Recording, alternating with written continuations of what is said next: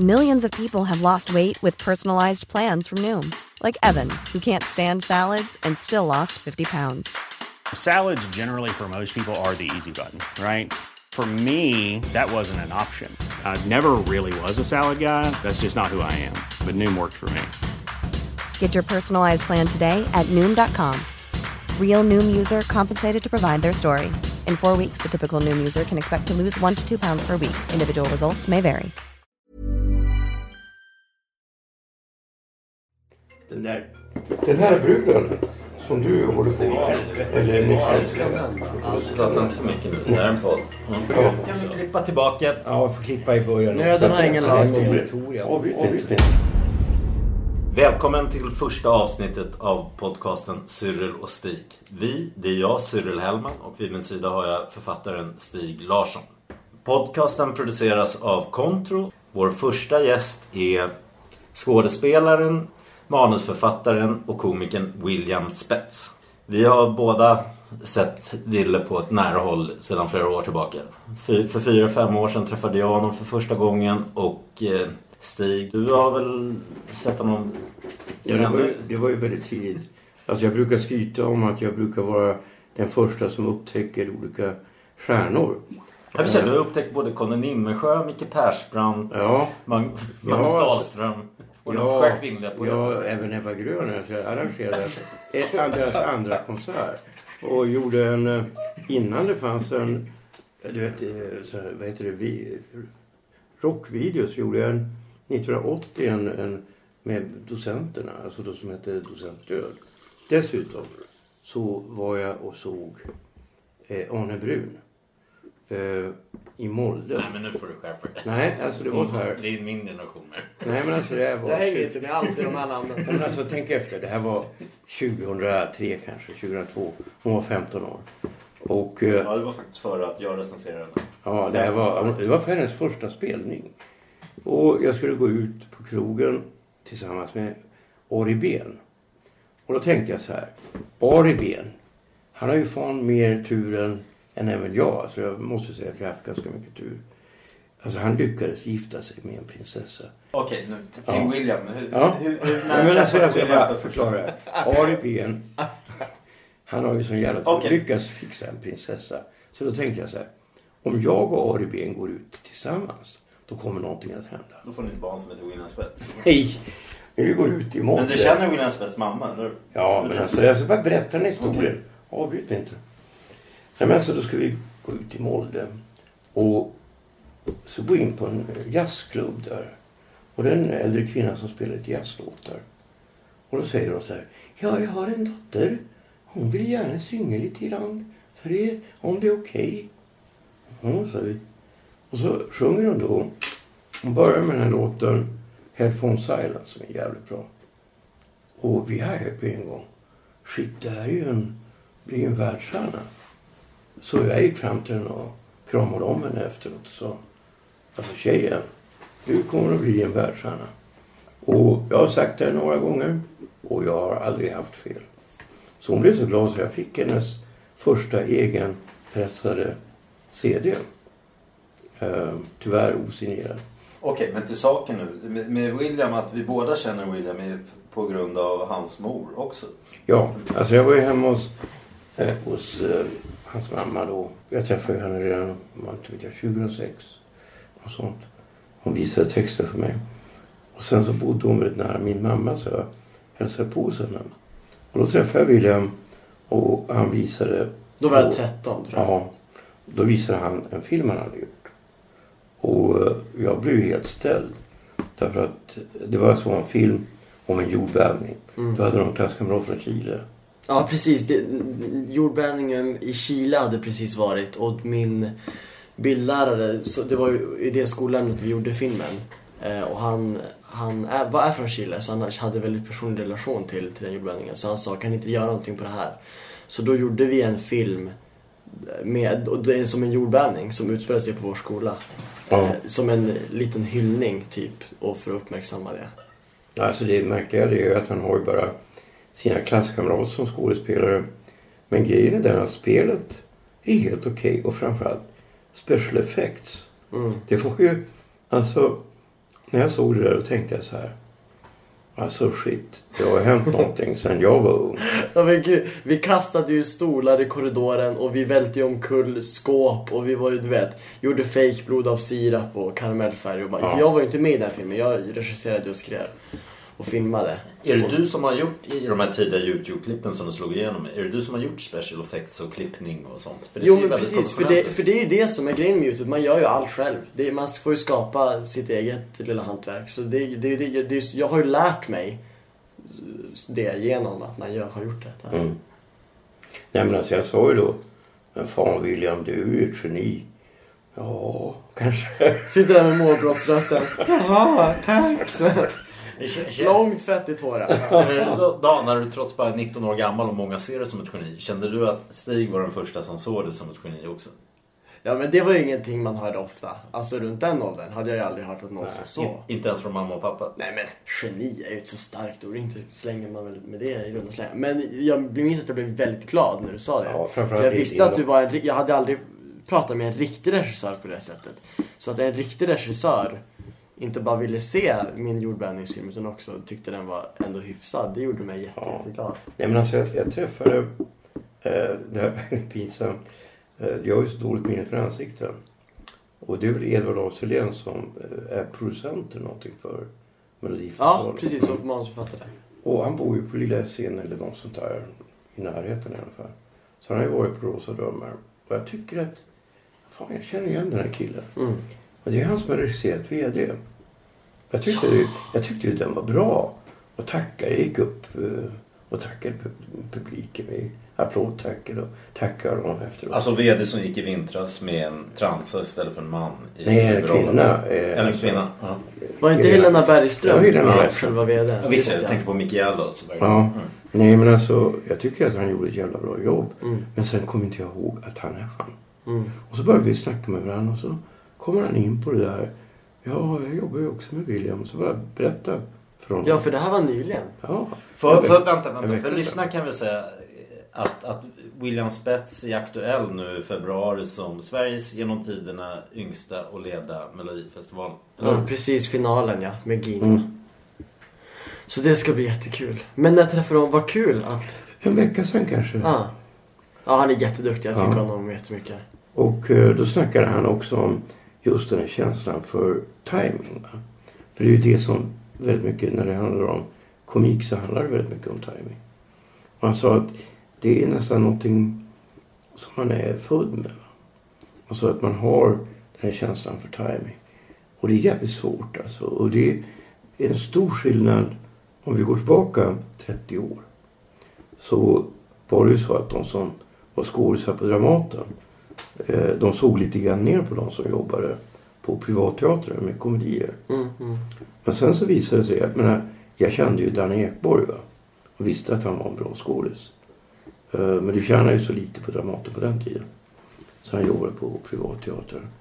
Men alltså, de som jobbar på privatteatrar, de, har, de utsätts för en annan typ av svårighetsgrad. Va? Nämligen, alltså har du fel timing, då blir det inga skratt. Mm. Ja, det är inget kul. Men det är ju det som blir så påtagligt när man håller på med humor och när man gör det framför publik. Att drama, där är det som att man kan försvinna i någonting men, men funkar inte humor, man hör ju det. Ja. Man hör ju tysten i salongen, det blir så påtagligt. Den rädslan för att inte, för man märker att det, det funkar inte, det flyger inte. Jag vet, Jonas Gardell berättade för mig, jag tror att det var en av hans första stora eh, shower i Göteborg. Mm. Och han, han är ju faktiskt en otroligt bra muntlig berättare. Vi var i New York tillsammans. Och då sa han, alltså tänk dig det. Du står inför en publik, kanske tusen pers. Ingen skrattar. Alltså den, den ångesten. Hade han varit med om det? Ja, Det var som när jag såg Henrik Schyffert första gången. Det var så innan han hade lärt upp sig. Nu idag är han ju rolig. Men ja men han hörde då en sett kille. honom när han började som stand-up. Men en alla säger ju som stand-up-komiker att d- deras första gig, deras Ja. första grejer, att det, det tar tid liksom i detaljerna. Ja. Och så var det för mig också på Youtube. Jag kollar ju tillbaka på mina första alltså videobloggar när jag satt och gjorde de här självbiografiska eh, monologerna och pratade om mitt högsta liv på högstadiet och sånt där. Och jag minns ju att det var jättesvårt. Och jag ser tillbaka på de klippen nu och det, var, det tog ju ett år eller två år innan jag hittade den här tajmingen i de här videosarna och med klippningen och sånt där. Det tar ju tid att hitta det. Men också humorn sitter Jag kan tänka mig just med Henrik Schyffert där och andra standup-komiker. Deras första gig att de var för manusbundna eller har repeterat in ett manus de har skrivit redan. Är det inte som komiker också att man måste improvisera och ha tajmingen i improvisationen? Mm. Ja men och så här fingertoppskänsla tror jag man måste, som måste växa fram. Att man, man märker, det är skillnad på att stå i en publik med bara 12-åringar och en publik med bara 35-åringar. Och då kanske man ska spinna vidare på olika saker liksom. Så det är så olika. Mycket det här med att känna av, att man måste ha en känslighet tror jag. Mm. Ja, men han sa då, han räddades av att det var en kille som skrattade. Alltså en av tusen. Som skrattade med någon häst. Han kanske skrattade för att han var så dålig. Ja, men så här, och då, då gjorde han det, alltså det är ju helt galet. Han gick rakt ut i publiken. Ja. Och gick på alltså stolsryggarna.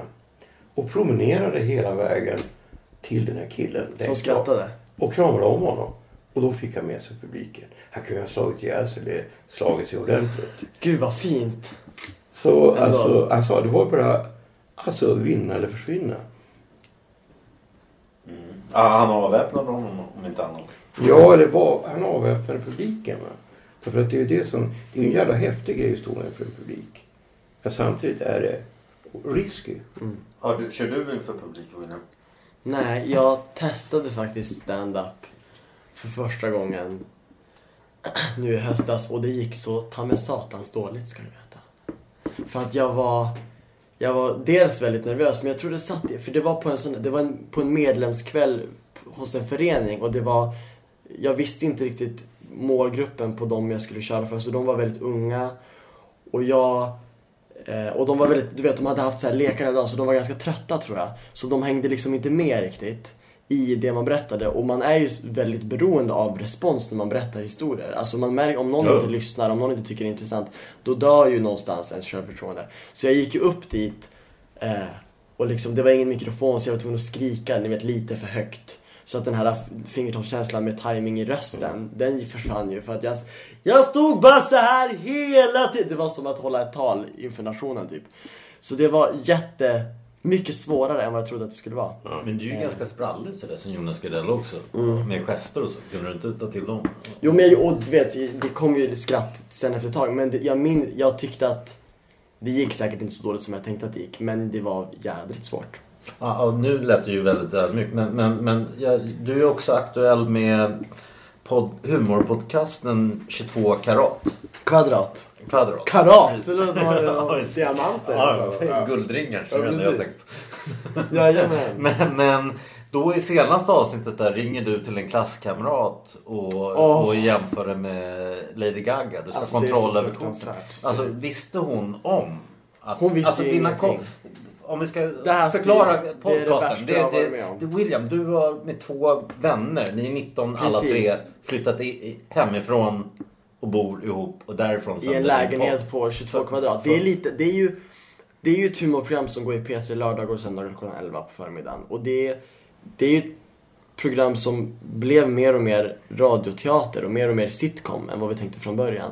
Eh, först var det blandade segment och det var lite sketch och lite snack. Men nu har det blivit mer en renodlad radioteater. Att det är en serie där vi bor ihop i den här lägenheten. Och det blir konflikter med vänskap och situationshumor och sånt där. Och- Och, då, eh, då är dock ett segment som sticker ut från den här radioteatern. Det är busringningen.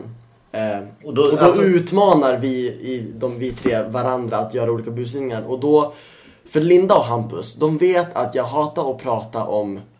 alltså, du gillar det- diver som Whitney Houston och Lady Gaga. Men du vill inte uppträda som en själv. Nej men jag, jag, ha, jag hatar folk som är självgoda. Och jag hatar eh, hybris och när folk ska mala på för mycket om sig själv och inte lyssna och ha ingen självinsikt. Det är det värsta jag vet. Och de vet om det här. Så de gav mig i uppgift att jag skulle ringa upp en gammal högstadiekompis som jag knappt känner. Hon var med i jordbävningsfilmen också och understryka. Och jag skulle då börja prata med henne om att det har gått väldigt bra för mig och jag ska börja rabbla saker jag har gjort och varit med i och jag skulle jämföra mig själv med Lady Gaga och jag skulle, du vet, kolla om, om hon hade bilder på mig på sociala medier som hon skulle ta bort för jag vill ha kontroll över mitt varumärke. Så här sjuka saker. Alltså jag har aldrig mått så dåligt Stig i hela Nej, mitt liv. Jag satt där med hjärtklappning i en kvart och jag kunde inte ringa telefonen för att jag, jag kunde inte kontrollera rösten för jag var så otroligt nervös. Så då ringde jag ju det här och hon, du vet, hon responderade och hon var liksom så här. Jaha, vi har ju inte pratat på fem år. Så hon tänkte, måste bara tänkt, vad har slag, slagit slint i huvudet? Så det här finns då att höra på sverigesradio.se om man vill höra. Men det är det värsta jag varit med om. Så jag, jag träffade ju henne några veckor senare. För hon jobbar på bion i Umeå, i, i kassan. Så då gick jag ju fram och jag sa ju, det första jag gjorde var ju bara att be om ursäkt för senast. För att, eh, för hon fick ju reda på sen att det var, det var fake. Men det var ju, men just den där stunden när man inte får ursäkta sig. De sa ju det, William du får inte vara ironisk, du får inte sk- skydda dig bakom humorn. Du ska vara stenseriös. Med att du är så självgod så det finns inte. Men, men det här måste jag fråga dig om. Eh, För att du, du är ju, om man ska kunna säga, nu är du ju vuxen, men du, du har ju varit i alla fall en barnstjärna. Och- jag kommer ihåg alltså, Gud, när, när du och din här. mamma sov här för fem år sedan precis när du hade slagit igenom och vi la upp någon bild på Facebook. Jag tror varenda mamma jag känner på Facebook med barn under 15 år messade mig och bad om din autograf. Framförallt de som hade döttrar.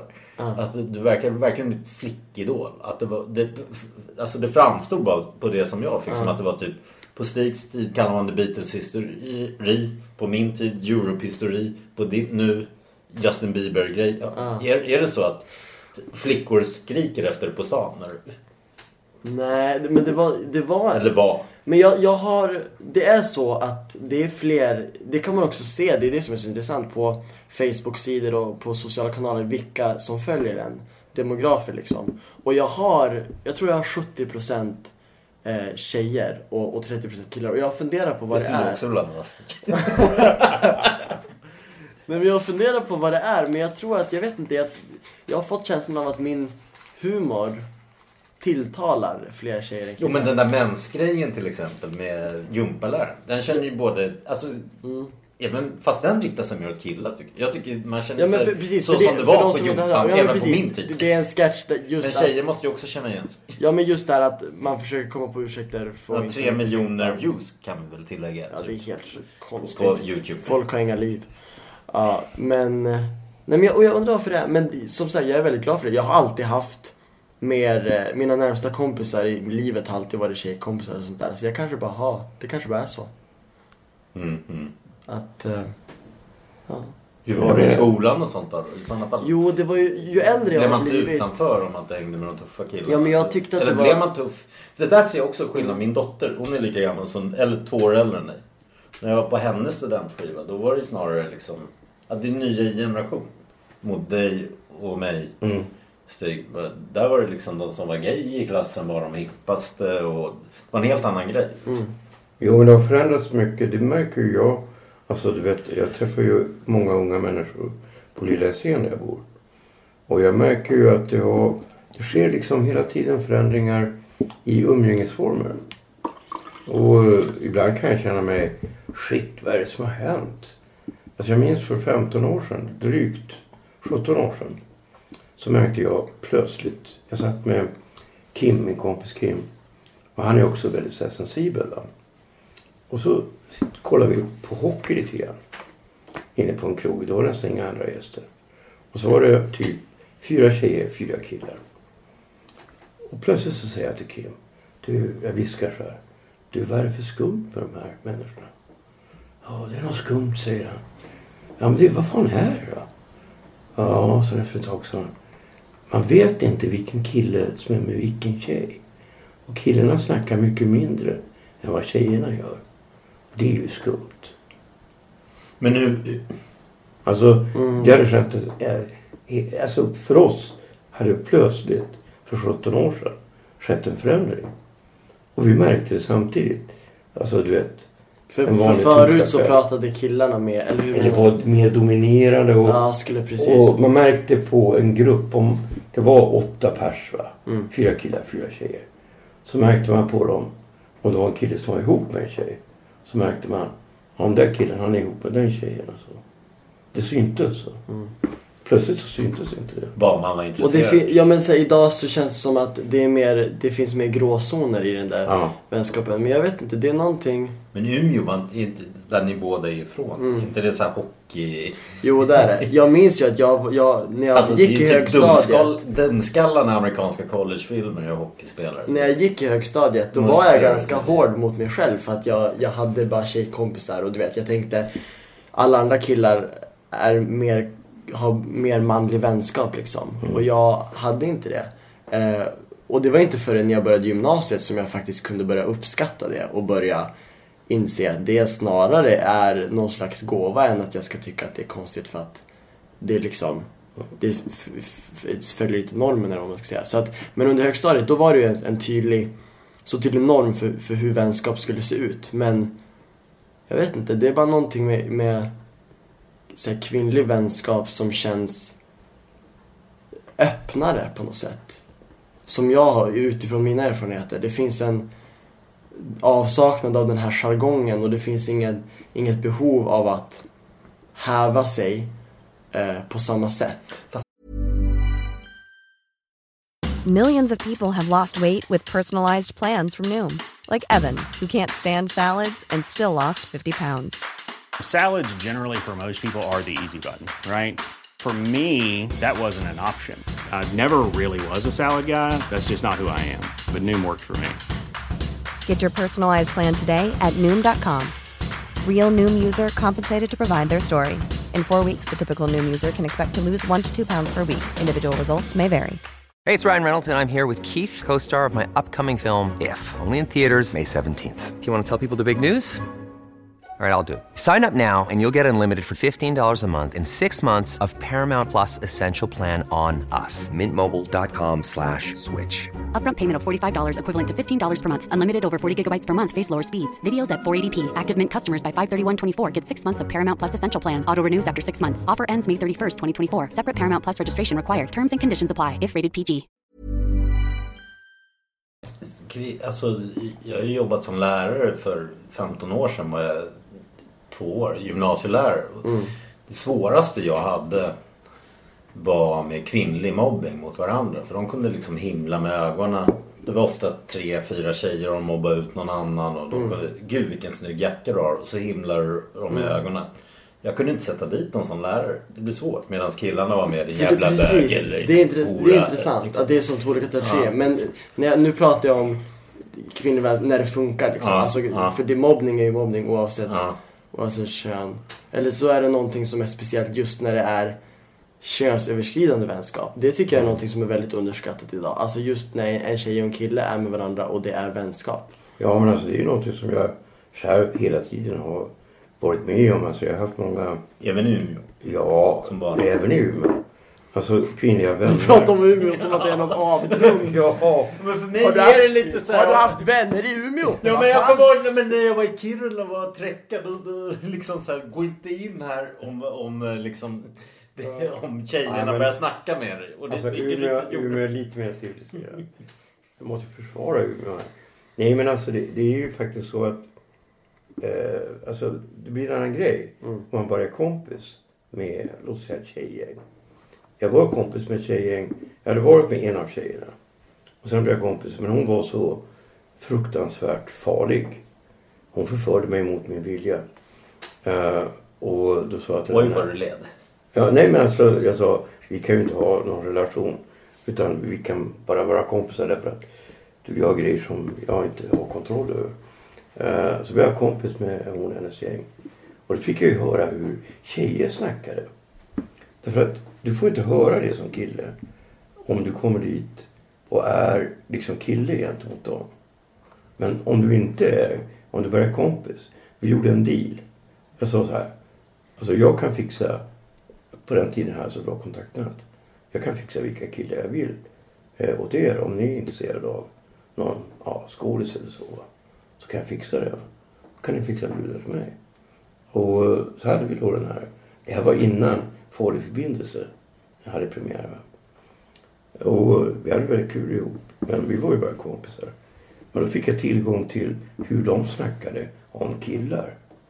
Det var helt annorlunda än vad killar snackar om tjejer. Vill du veta det?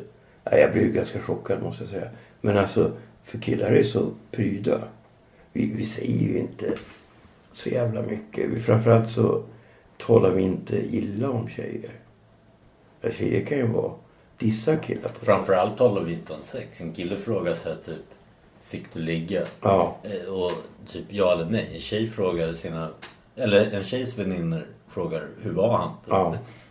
Jo, men vi säger knappt det alltså. Men det tror jag också är, en, är olika i så här, olika grupper. För jag tror, jag tror vissa i manliga vänskaper, där kan man verkligen också vara hård mot tjejerna. Alltså det tror jag bara är olika från vänskapsgrupp till vänskapsgrupp. Men det är också det som är så intressant tycker jag. Att det känns som att när ni pratar om hur det var förr. Det känns som att det fanns en sån tydliga, ett så tydligare eh, sätt för hur ja, men kvinnlig vänskap var, hur manlig vänskap var, hur tjejer pratar med varandra, hur killar pratar med varandra. Men det som är så fascinerande det är hur, hur, hur det som vi nämnde tidigare, att det känns som att gråzonerna blir större och större idag. Killar kan prata med varandra på ett sätt, tjejer på ett annat sätt och de, det kan vara tvärtom. Och killar kan prata med tjejer på ett sätt, alltså det känns som att de här äh, könsstereotyperna de börjar smälta samman lite grann, vilket är så, upplever jag det, så avväpnande. Att saker blir mer individuellt och det behöver inte, man behöver inte gömma sig eller skydda sig eller ursäkta sig bakom någon slags jargong när det kommer till kön eller sexuell läggning eller vad som helst. Utan det är inte lika lätt att placera varandra i fack idag. Vilket jag tycker är härligt. Det måste jag fråga dig William. För det, hade du en sketch om på Youtube om, jag tror det är din mamma som kommer in. Du har en t-shirt där det står sex, sex drugs and rock and roll eller någonting. Och du bara, men jag har aldrig liksom sett någon, någon sex, då, då är du 12 eller någonting. Men min uppfattning är att jag är orolig själv. Jag, jag har en son som är 12. Att jag vet ju att han har säkert sett porr i mobilen. Det, det gör ju alla unga nu. Alltså att, att du föds upp med det samtidigt. Du går inte att undvika. Att du har sådana grejer. Du- Ja, men i och med att- precis, världen har ju gör sånt bli- med ung, ungdomar? Precis, världen har ju blivit så mycket större på något sätt. I och med internet. Ja. Eller Och mindre Tinder, kanske man ska säga. all- Ja men ju, just när det kommer till Relationer och sånt. relationer och hur man ser på människor. Jag tror att absolut att det finns en lättare tillgång till att se destruktiva saker, absolut. Men det finns också, finns också en större tillgång till att bli, bli rikare på insikter, förstår ni? Att det är liksom, det är lättare att vara ovetande förr i världen, för då hade man inte Wikipedia, man hade inte statistik, man hade inte... Alltså allt jag har lärt mig om jämställdhet, om, om alltså humana, humanitära grejer, feminism, allt det där som jag har lärt mig om det, det har jag lärt mig på internet. Det finns så mycket som man kan lära sig av det också. Så jag tror att vi, min generation, vi blir mer och mer medvetna på något sätt. Att jag ser bara på min lilla syster nu, Ebba, hon är ju 12. När jag var 12, då visste inte jag någonting om alltså härskartekniker och så här diskriminering på det sättet. Man, man körde ju bara på. Medan Ebba som verkligen är uppfödd, jag är ju uppvuxen med internet, men Ebba är ju verkligen infödd i, hon hade ju en iPhone när hon var åtta liksom. Hon är verkligen uppfödd i det. Och hon märker jag är väldigt medveten och, ska, och det ska inte göras för mycket skillnader. Och om någon säger någonting som är taskigt, då kan hon vara väldigt snabb på att ja ah, men varför säger du så? Det behöver inte alls vara så. Killar kan vara så här eller tjejer kan vara så här. Och det tycker jag är ett steg i rätt riktning. Förstår ni vad jag menar? Ja, jag att det är som att medvetenheten är starkare. För mig är det väldigt eh, skönt att höra det du säger. Mm. Därför att för mig så, jag har ju då medvetet avhållit mig från att gå in på internet. För mig har det varit skrämmande. Du har inte ens internet. Du Nej, jag har inte ens Du telefon. fick en mobil nu, den som ringde för bara några fick, månader sedan. Nej, jag fick den eh, förra julen. Mm. Och eh, nej men alltså. För mig- vad är det som har skrämt dig med internet? Alltså det har varit det här med att all information plötsligt är tillgänglig. Alltså när som helst. Och jag tycker så här, jag är väldigt gammalmodig, men jag tycker att information är någonting som du ska arbeta dig till. Mm. Och jag kan ta ett exempel. Jag var ihop med en tjej som var väldigt deprimerad och depressiv. Och jag blev nervös av det här. Så då gick jag till Kungliga biblioteket och förklarade för en bibliotekarie att jag säger att jag är tillsammans med en tjej som har en svår depression och jag vill försöka hjälpa henne. Okej, kom hit om två dagar så ska du få material. Då fick jag material för läsning under en månad. Om depression, massa böcker, tidskriftsnummer från du vet American Anthropologist 43 och sådär va. De hade ju förstklassiga bibliotekarier. Alltså då fick jag alltså relevant information. Istället för att hålla på och söka och hålla på och lägga ner tid på massa oviktiga grejer. Alltså det jag tycker illa om det är val. Att göra val. Så jag gillar att det finns någon som säger till mig Det här är rätt. Det här är relevant. Och det här kanske är liksom... Och det hör ju ihop med det här med källkritik. På internet så får man nästan avgöra själv vad som anses relevant eller Ja. inte. Och det är det som kan vara skrämmande. För alltså det finns en ovisshet där. Ja men ta bara det här att det står om mig på Wikipedia. Får jag nu höra en massa tokiga, tokiga grejer. Att jag skulle vara postmodernist. Jag har hört också att jag skulle vara värderelativist ända fram till 98 när jag blev religiös.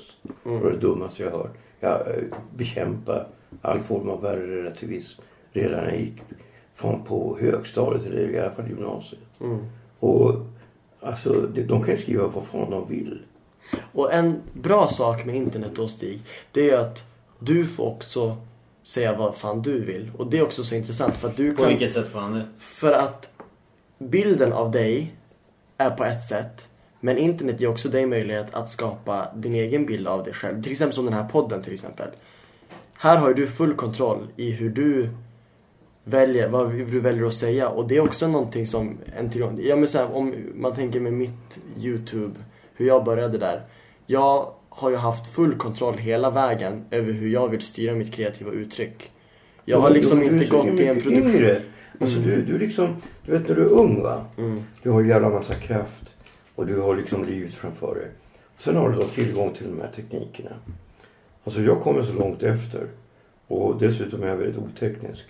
Och när jag ska då försöka rätta till det här va. Då känner jag mig, åh skit. Men det är mycket att det greppa. men det är mycket att greppa. Jag har ju, jag har ju kommit på, på tal om min syster igen. Hon visar ju mig appar och grejer som jag inte vet vad det är. Hon visar ju mig sociala nätverk. Och jag tycker ändå att jag är 19, jag hänger med. Men jag är fan inte alls det.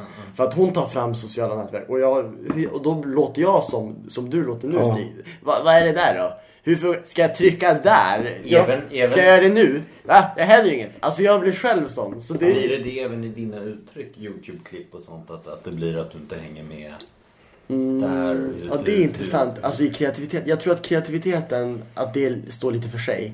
För, för även om... Jag tror att kreativitet någonstans är tidlöst, även om plattformarna varierar. Youtube är en teknisk plattform, men jag tror innehållet på Youtube, det skulle, det skulle man kunna skapat för hundra år sedan också. Släpper, alltså dina Youtube-klipp, de som gjorde att du verkligen exploderade på, på sociala medier och sånt. Det var ju, de kretsade kring en skolvärld. Mm. Och så släpper du sådana fortfarande, jag har inte full koll här. Eh, Och, och kretsar de i sådana fall kring en skolvärld eller Det som är så intressant. Jag har ju slutat med Youtube sedan nästan tre år tillbaka. Okej. Jag har inte gjort ett klipp sedan 2013. Alltså allt det här är gammalt. Så allt, så- precis. Så, så Youtube blev ju no, hur jag började men jag valde där någonstans när det, när det blev för mycket förväntningar på att jag skulle producera hela tiden. Du tänker inte gå tillbaka heller? Eller? Inte vad jag planerar på. Utan för mig har den röda tråden alltid varit skådespeleriet. Sen om jag gör det på Youtube eller med SVT eller i någon källarlokal med någon, i- på någon liten teater. Det spelar för mig ingen roll. Utan Det behöver väl också påpeka för lyssnarna att William har varit aktuell under hela hösten i Solsidan. Som jag tycker är väldigt rolig. tycker Alltså, jag jag älskar Solsidan. Ja, så jag upptäckte- Jag gillade den först när William var med. Men... Nej, men alltså jag upptäckte den Partisk. Men jag upptäckte den typ tredje eller fjärde säsongen. ja. För jag kollar. På TV då? Ja, jag kollar väldigt sällan på TV. Jag kollar med sport och möjligen Ja, du har ju en fotbollsapp i din telefon Ja. ska nämnas. Ja, så du hänger ändå med av till viss del. fotboll. Ja. Men jag kollar mest fotboll på krogen. Ja. Men alltså, när jag såg Solsidan, det här kan ha varit fyra år sedan och sådär, Mm. Så tyckte jag att det var jävligt roligt. Och det som har hänt, om vi ska vara så här riktigt kritiska. Vad har hänt som är bra under de senaste 30 åren med kulturen? Mm. Eller i alla fall 20 åren. Jo, det är alltså inte de genrer som jag håller på med. Man kan ju inte säga att litteraturen har blivit bättre eller konsten eller teatern eller något sånt där. Nej, nej, Det nej. kanske till och med har blivit sämre. Ja, snarare sämre. Men däremot, det som har blivit bättre. Det är humor, eh, krogmat och internationell klubbfotboll. Drinkar också. Ja, Men vad intressant dricka. med humor. På vilket sätt tycker du? Alltså Tycker du- när, när Nile City, Lorry innan Nile City, men Nile City var en brytpunkt. Mm. Fast den var mer en pastisch på brittiska Vic Reeves. Det var inte så... Ja men alltså de var jävligt bra. Och jag skrattade så att jag ramlade ner på golvet en gång. Och när var det här? Ja men när var det här? 95 kanske. Ja, 96, 97 tror jag. Ja.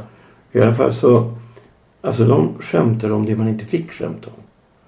Och när du tittar på tidig svensk humor, alltså låt säga Hasse och Tage och så. Eh, det finns en del Lindemann-grejer som fortfarande är ganska skojiga. Men kolla på filmerna. Alltså de är inte roliga. Att angöra en brygga är väldigt estetiskt eh, så snyggt. Picassos äventyr är ganska roligt. Ja men det är snyggt men det är inte roligt. Jag skrattar inte. Mm.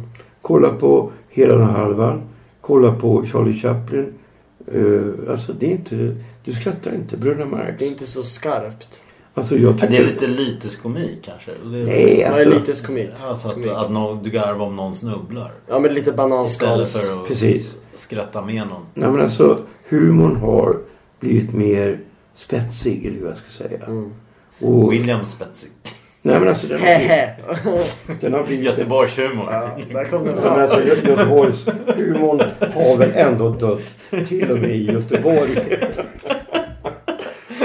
Men, men det är intressant det du säger Stig, för något som jag tror har växt fram bara de senaste, nu är inte jag så gammal alls, jag är född 96, men något som jag har märkt blivit större under jag har växt upp, det är just igenkänningshumor. Mm. Och det tror jag är det som gör att humor är så träffsäkert. Alltså just det här, nej, om, om, om, Cyril, om du berättar någonting på ett humoristiskt sätt, då blir det inte kul för att det är ditt liv, utan det blir kul för att det kan även vara mitt och Stigs liv. Det är när man kan sätta in sig själv och typ identifiera sig med en situation. Det är det som är humor för mig på riktigt. Mm. Och samma med när det finns ett underliggande, när du pratar om lyteskomik och bananskалskomik. Den bästa humorn jag vet, det är ju när någonting är jättetrasigt. Och när någonting är, när det finns ett mörker under och när det finns en tragikomik. Det är också då, för då, det finns någonting identifierbart med det. Men det viktiga tror jag är ändå. För det kom en serie efter Nile City som hette någonting annat. Jag kommer inte ihåg vad det hette nu. Kvarterets Gatan. Den, Nej, men den gillar du också. Den tycker jag är ganska... Ja, men den var helt okej. Nej. Men det var någonting emellan dem. Där ganska många av skådisarna i Kvartersgatan var med. Men det var inte bra. på skådisarna men... Nej men alltså. det var inte särskilt Där var det inte så. Alltså grejen med Nile City och även Kvartersgatan. Det var att de som var skådisar. Eller regissören eller vem fan det nu var. Hade medkänsla med de personer de gjorde. Mm. Alltså om du bara hånar en person. Nej. Det är inget roligt. Nej. Alltså de hånar uteliggare och sånt där va. Fast det var ju inte Nile City. De satte fram en snubbe och imiterade Popsicle med utstående ögon bara för att den riktiga sångaren i Popsicle hade utstående. Det var Ja, mobbinghumor. Men då är ju det, det, det, City. är också men det ett form en- av hån. Alltså just Ja. parodi. Jo men det var ändå gjort med kärlek på något Ja, sätt. det vet jag inte. Jo jag tycker det. Alltså jag tycker även de här ganska grova skämten i Nile City. är gjort med sån precision. Jo, jo, men Att de det skämtade om analsex och sådana grejer. Men, Ja, men vad fan då? De, de, de gjorde det med en form av medkänsla. Och då blir det roligt. Mm. Då kan du skratta. Däremot om du skrattar åt någon som är svag. Det är inte kul. Nej, för humor handlar också om att sparka uppåt. Jag tyckte det. Man Jag kan tyckte, jag tyckte det. Jag tyckte neråt. tvärtom mot Stig vad Stig säger. Men Stig kanske inte hade koll på originalen. De som Nile City drev med. Men jag tyckte tvärtom att det var mycket, mycket mobbing i humor. Och det, det har ju Henrik Schyffert själv sagt. Att de sysslade med mycket av den lägsta humorn. Ja, nej, men alltså jag vet ju då Torsten Flink frågade mig. eh, Det var, det var någon, någon sketch. Mm. Där han var inlagd i en, en, bagagelucka med en massa jävla lim över sig och så här, va. För att han hade skulder. Han hade ju en massa skulder. Så han, hörru Stig, han har ju inte så mycket, inte jag heller, men lite mer än han. Eh, är det här att betrakta som eh, positivt eller negativt? Ja, men du får väl se det som, som positivt att de driver med dig. Mm. Alltså, du ser det som en hommage.